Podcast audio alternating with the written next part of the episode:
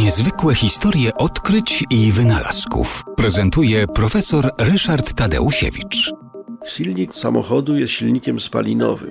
Rzadko skupiamy nad tym uwagę, po prostu nalewamy benzynę i jedziemy, ale e, samochód to jest tak naprawdę połączenie dwóch pierwiastków, mianowicie ognia e, i e, no, stalowej konstrukcji, która ten ogień ujarzmia i kieruje w sposób zamierzony jako środek napędu. Ale nasze samochody, wszystkie samochody, no z wyjątkiem elektrycznych, y, to są samochody, y, których napędem jest ogień. I wobec tego kluczem do tego, żeby zbudować nowoczesny samochód, było poznanie natury ognia.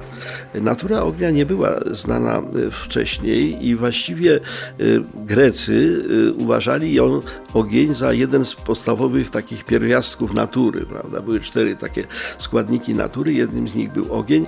Uważali wobec tego, że ogień nie wymaga jakiegoś osobnego wyjaśnienia.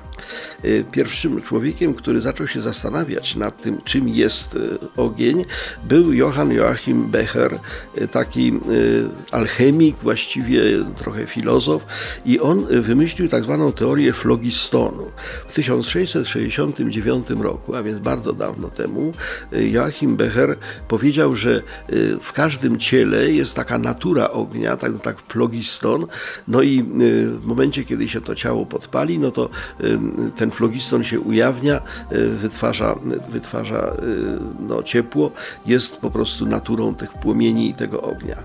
Y, temu poglądowi, który trwał przez ponad 100 lat, położył kres Antoine Lavoisier, wybitny chemik i wybitny badacz francuski, który w 1777 roku, tą datę łatwo zapamiętać, 1777, opisał znaczenie i właściwą e, rolę ognia, e, wskazując m.in. na rolę tlenu, który też on właśnie wykrył i stwierdził, że jest niezbędny do palenia się.